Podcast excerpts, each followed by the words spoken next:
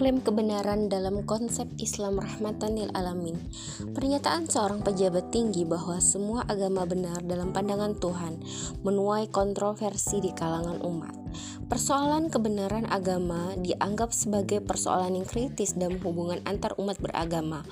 Konsep moderasi Islam yang dilancarkan negara dengan kemenak sebagai leading sektornya berusaha untuk melumerkan gagasan kebenaran mutlak agama dengan ide pluralisme.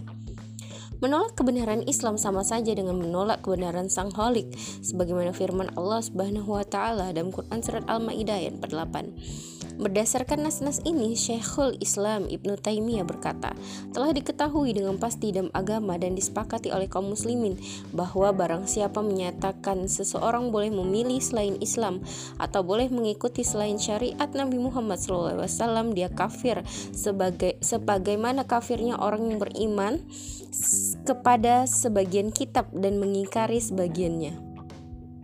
Sedangkan dalam masalah syariat yang berkaitan dengan fikihnya, perbedaan pendapat adalah hal yang diterima selama pendapat tersebut berdasarkan pada sumber yang benar, yaitu Al-Quran dan hadis yang sahih, serta apa yang bersumber dari keduanya seperti isma dan para sahabat dan kias.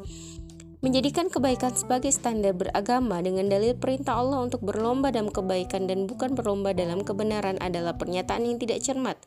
Kebaikan bagi satu orang boleh jadi keburukan bagi yang lain.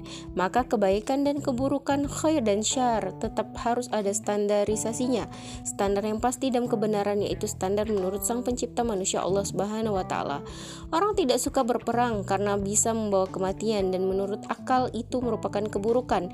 Demikian sebaliknya, inilah yang dikoreksi oleh Allah.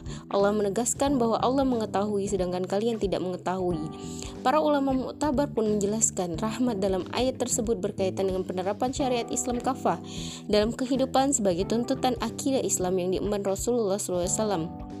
Dengan demikian, Islam sebagai rahmatan lil alamin akan terwujud dengan penerapan syariat Islam bukan yang lain. Sejarah membuktikan bahwa dalam penerapan syariah Islam secara utuh, Islam mampu membuktikan diri sebagai agama rahmat. Islam menjamin kebebasan beragama bagi umat agama lain dan melindungi mereka selama berabad-abad sampai datang kelemahan dan kemunduran daulah akibat memudarnya pemahaman terhadap syariat.